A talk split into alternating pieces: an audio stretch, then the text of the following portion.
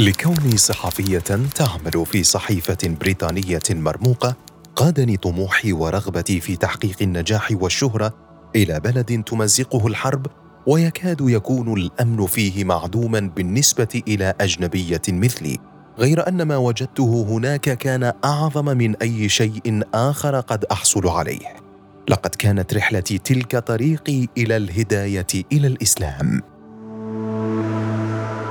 اسمي آيفون ريدلي. آيفون ريدلي. وقد أسلمت في بريطانيا. وهذه قصتي أرويها لكم في بودكاست أروان. في بودكاست أروان. من أصول. من أصول.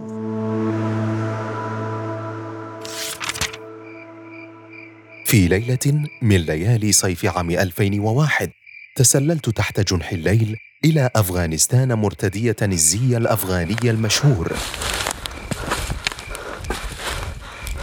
كان الغرض من مغامرة تلك عمل تحقيق صحفي عن الحياة في ذلك البلد الذي لم تهدأ ذخيرته منذ فترة طويلة.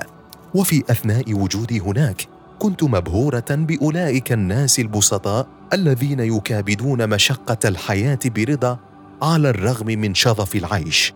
ولمست الطيبة في وجوههم والشجاعة والكرم في أخلاقهم. أنهيت مهمتي وحصلت على سبق صحفي مهم وقررت العودة إلى باكستان ومنها إلى بلد بريطانيا. وفي هذه الأثناء وقعت أحداث الحادي عشر من سبتمبر. وتم تشديد الإجراءات الأمنية من قبل طالبان تحسبا لحرب قد تشنها الولايات المتحدة. فقررت الهروب خفية ولكن الله شاء أن أقع في الأسر.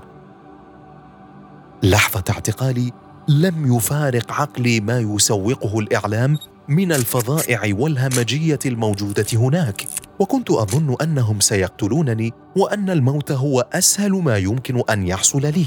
ولكنهم كانوا يعاملونني بلطف ويقولون لي إنهم يريدون سعادتي ولم أكن أصدقهم. وعندما ثبتت براءتي دعاني أحدهم إلى الإسلام. رفضت ووعدته بدراسة الإسلام فقط لأفك أسري.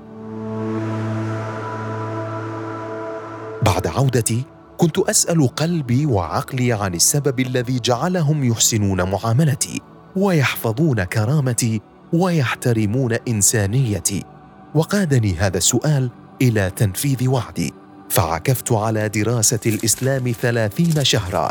شعرت فيها بأنني في رحلة روحانية ترتقي بها إلى قمم سامية من الصفاء والتصالح مع الذات وشعرت بحالة غير معهودة من الشفافية والنقاء.